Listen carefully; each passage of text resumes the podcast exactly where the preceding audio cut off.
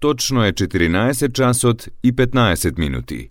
Ја следите програмата на македонски јазик на јавната медиумска установа Радио Телевизија Војводина, трета програма. Емисија Македониум.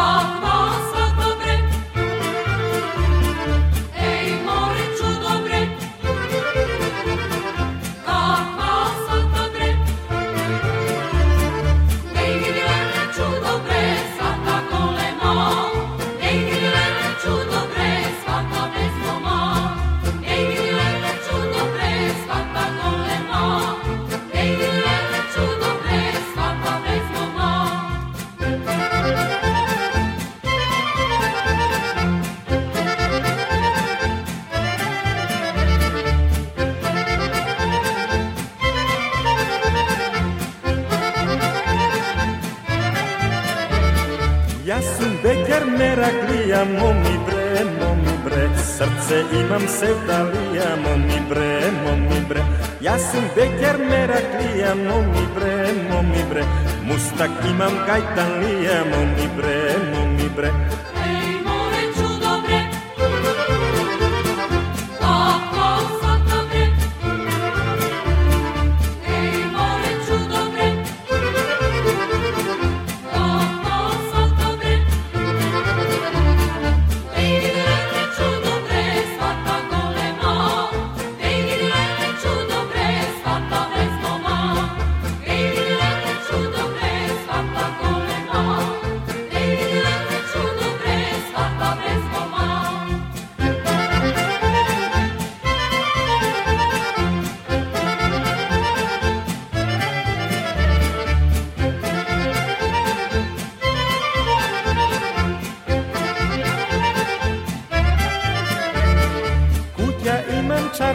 ja momi bre, momi bre Простум влези, ничкуп слези, моми bre, моми bre Чардак имам скали, немам, моми bre, моми bre Како сакам, така слегвам, моми bre, моми bre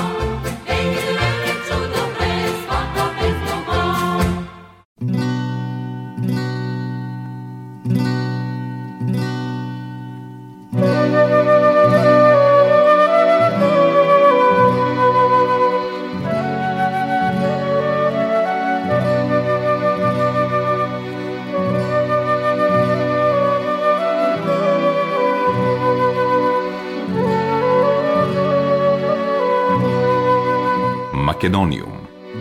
Добар ден и добре дојдовте во најновото издание на емисијата Македониум. Со вас, почитувани слушатели, е вашиот уредник и водител Јулијана Милутиновиќ, секоја среда со почеток во 14 часот и 15 минути на фреквенцијата на третата програма на радиото при Радио Телевизија Војводина. Македониум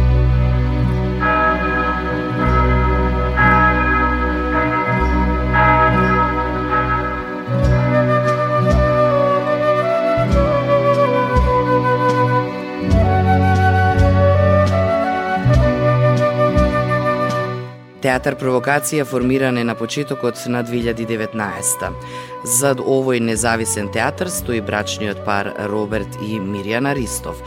На три години или на три годишнина од постоењето на театар Провокација, конечно Овој месец ни гостува во Нови Сад и тоа со представата Разведиме. Публиката во Нови Сад ќе може да ја гледа на сцената на позориште младих во недела на 15 јануари со почеток во 19 часот и 30 минути.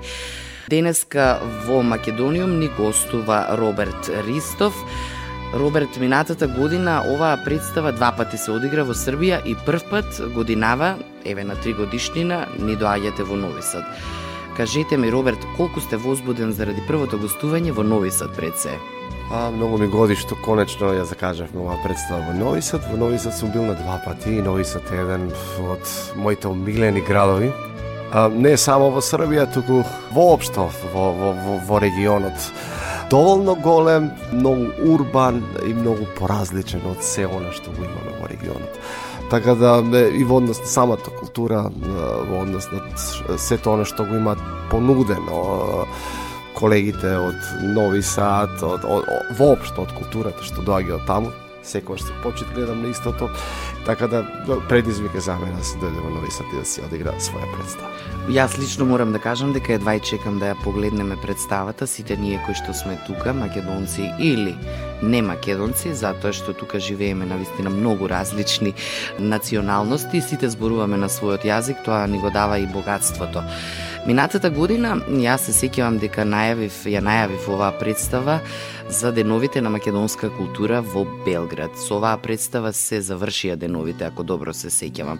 Кажете ми, каква беше публиката, како ја прими публиката вашата представа?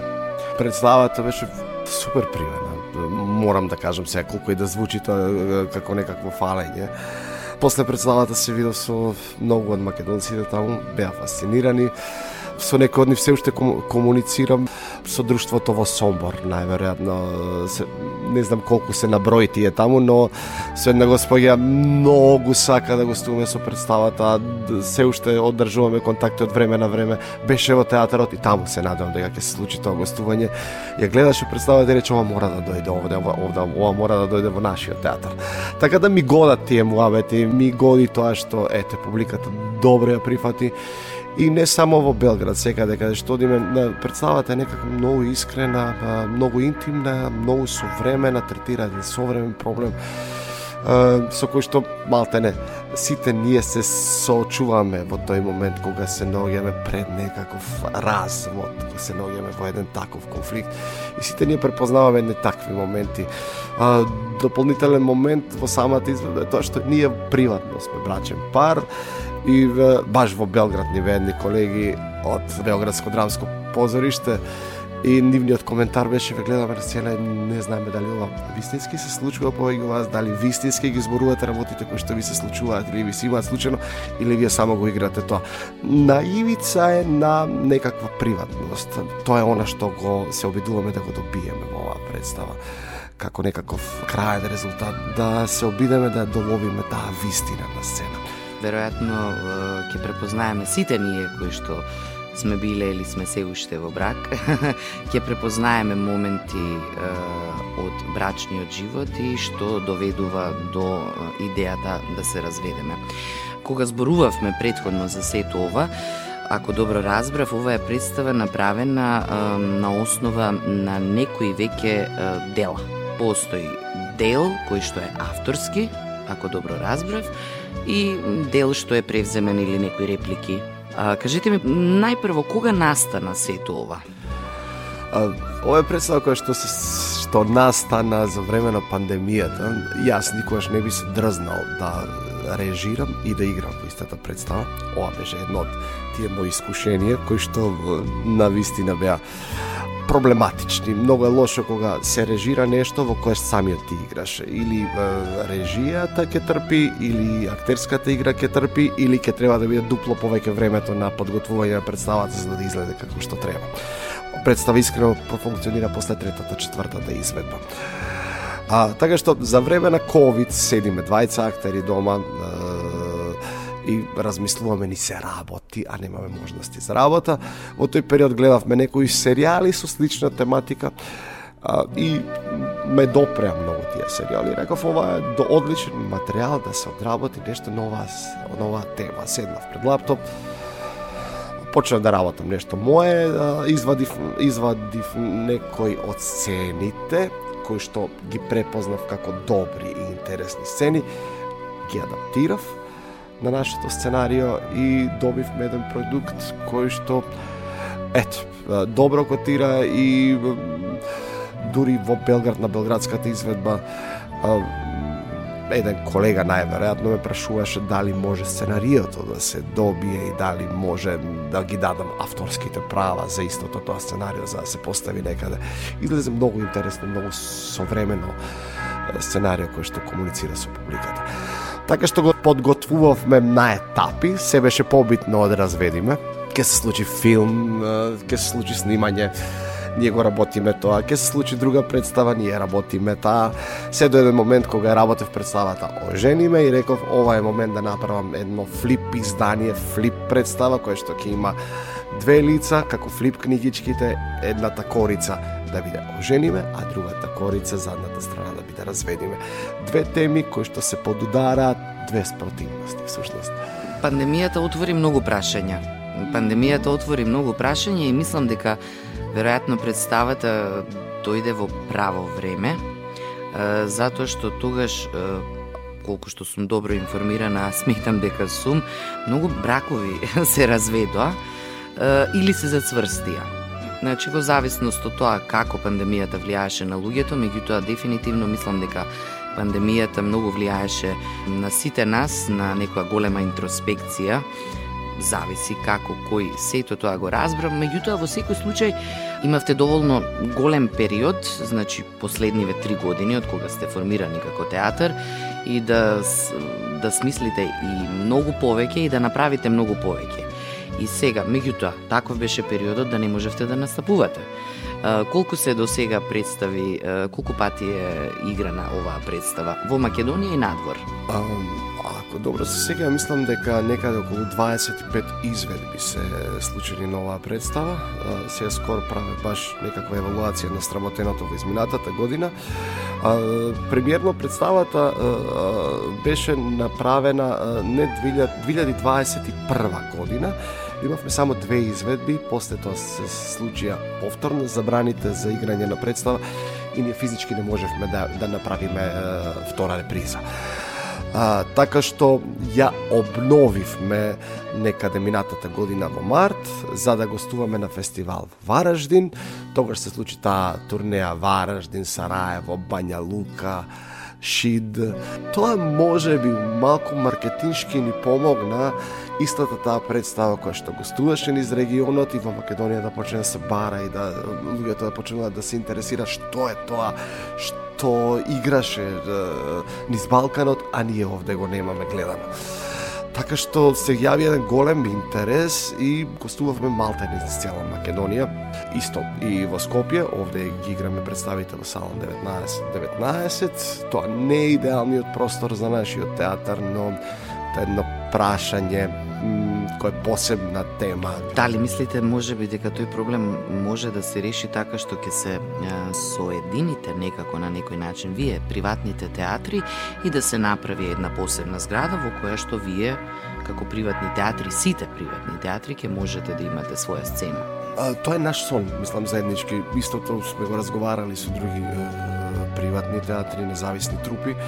А, тоа се прави. Мислам, не само на балконот, туку и низ Европа сме гледале стари, руинирани простори, сали, се земаат, мислам ќе се потрудиме сите заеднички да најдеме некакви фондови за да може да се реновира истиот тој простор и да да конечно ете може да се направи нешто за културата. Општина Аеродром, каде што е регистриран театарот, нема ниту еден простор, културен центар. Неодамна имавме и фестивал кој што беше направен од невладени организации и здруженија од аеродром, сите ние се собравме заедно и направивме проект изведување на, на театарска представа во, во, во мол, во Капитол мол, што е едно неадекватно место, правење, не знам, поетски читања, ликовни изложби, концерти, диджеј, и сето тоа го правевме на такви неадекватни места за да едноставно да го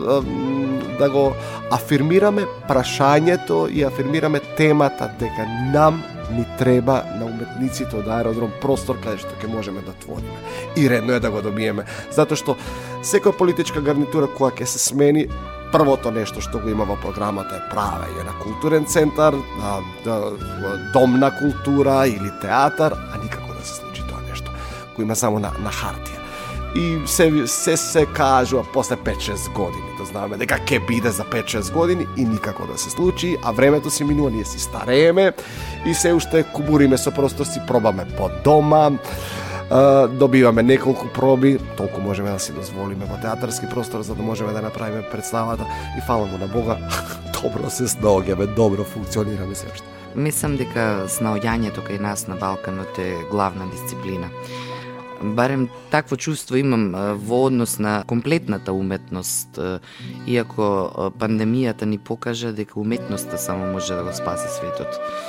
И здравиот разум, а здрав разум секогаш биле уметниците, како и да свртиш низ столетијата на нас, за тако гледаме, секогаш уметноста е таа која што се јавува како надеж дека ќе има нешто подобро. Е сега, разведиме доби една многу бава награда Гран При на фестивалот на дуо драма во Топола во Србија. Кажете ми, дали мислите дека има проблем а, со јазикот? Значи, вие на македонски зборувате, публиката е воглавно српска, ќе речам српска, иако сме во Србија многу мешани, исто така поготово во Војводина.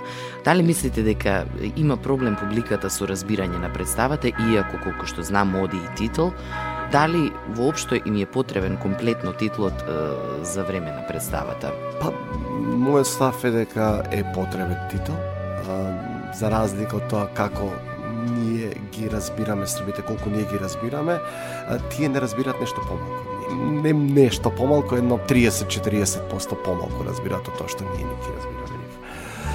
Така што сметам дека за првите 15 на минути додека се влезе во самото си жена представата, додека влезат во таа матрица, до тој момент некаде е необходен тој титул, но подоцна кога, кога веќе ќе влезат во содржината, веќе сум разговарал со дел од публиката, веќе не е потребен, веќе се разбираат, веќе јасно си пратат содржината. И, но тие први 15 минути се битни. Првите 15 минути се битни секако во било која представа за да направиме дистинција меѓу ликови, меѓу случувања, нели? А особено кога гледаме нешто што не е на наш е, јазик. Јас верувам, бидејќи тука во Војводина на вистина немаме проблем со е, разбирањето на јазиците, многу се разбираме секој на својот јазик и јас верувам дека во недела публиката нема да има проблем да разбере зашто се зборува во разведиме. Па го имам и титала за секој случај, така што верувам дека ќе помогне, а сепак а, а, театарот не е само да се чуе текстот, туку театарот е действието, театарот е емоцијата, а, театарот се восприма како една целокупна целокупен производ од сите тие сегменти. Ова ви е прво гостување годинава. Избравте на вистина убав град за гостување. Имате ли планови дали веќе направивте некој план и програм за текот на целата 2023 со гостувања, конкретно со оваа представа и ве прашувам конкретно за Србија, дали може би имате некаков план? А, знаете како некако на Балканот воопшто, да, да, да, не се договараат многу однапред работите. Имаме еден фестивал за кој што, ето ние кажано, се уште не е помината таа селекција, па не можам со сигурност да речам дека ќе биде така, иако селекторот ми рече, а, а рачунете, беше во Топола, не гледаше, се запознавме и рече, сметете дека вие сте дел од програмата на мојот фестивал. Ние аплициравме таму, се заблагодари и каже дека не очекува. Но ето официјално додека не биде тој фестивал, нема нема да откривам за кој се работи. Ке имаме значи уште еден фестивал со разведиме продолжуваме и понатаму со играњето на представи во Сало 19 19 имаме се уште не знам 5-6 градани из Македонија каде што не сме биле со разведиме но затоа имаме сега новата па, представа пациенти а, со која што исто така изигравме некои 12 на представи ми се чини дека се а, во овој краток период од два месеца. Ја имаме Јасума Кико, тоа е исто една соработка, ете, регионална, тоа е авторски текст на Стефан Тичми, кој што е, ете, од Србија. Се случи една преубава соработка со него, тоа е бестселер во Србија. Се, книгата е преведена и на македонски, преведена уште на 4-5 јазици. Uh, многу интересна тема. Критичарите споредуваат со Малиот принц, се обидов да направам некаква драматизација за да не биде тоа монодрама, ја претворив во, во, во дуодрама и таа представа за деца, така што Марсело, ликот кој што е спомнат само на послед, последни 3-4 страни во книгата Јас сум Кико, го развив и ете направив една дуодрама и мислам дека со тоа добивме една поинаква динамика во представата која што вреди да се погледне и е наменета за целна група од 5 до 9 оделение. Ова целна група е некако запоставена во Македонија, не знам како е таму во Србија. Обично сите овде правиме детска, детски представи до петите оделенија може би е полесно да се пристапи на таа публика. Ова се децата кои што сега влегуваат во пубертет, каде што се име некако детско кога се работи за представа. Малце се по-проблематични за да им се задржи вниманието. Така што ние ете некако ризикувавме, се впуштивме во тоа и до сега е изиграна неколку пати представата прекрасна примена од децата, добивме и убави критики и повесници по портали, така што задоволни сме што тоа сработивме.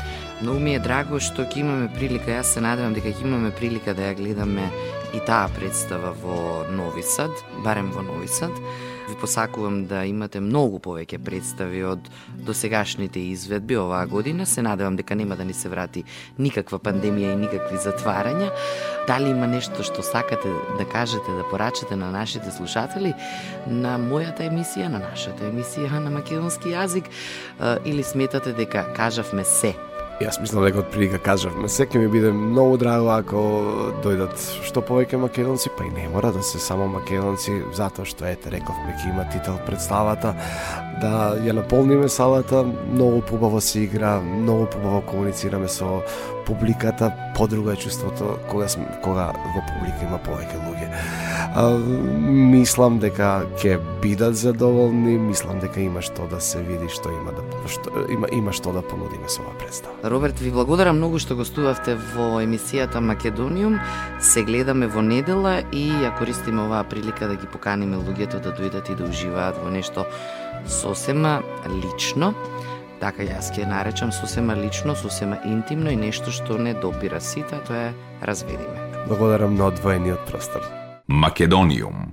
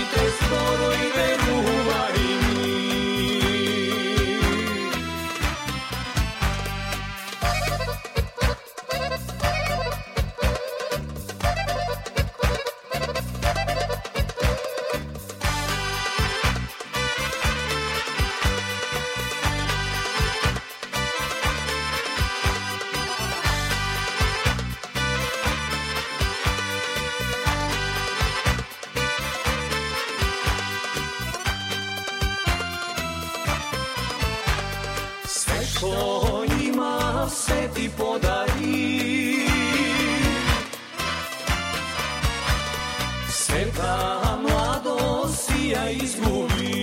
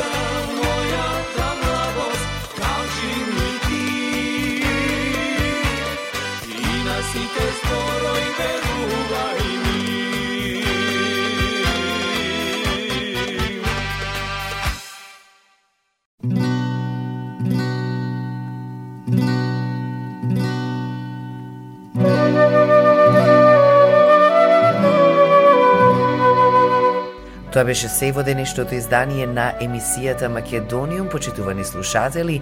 Се гледаме во недела во позориште Млади со почеток во 19 часот и 30 минути на представата Разведиме, а повторно се слушаме следната среда во исто време. Ја следевте програмата на македонски јазик, емисија Македониум.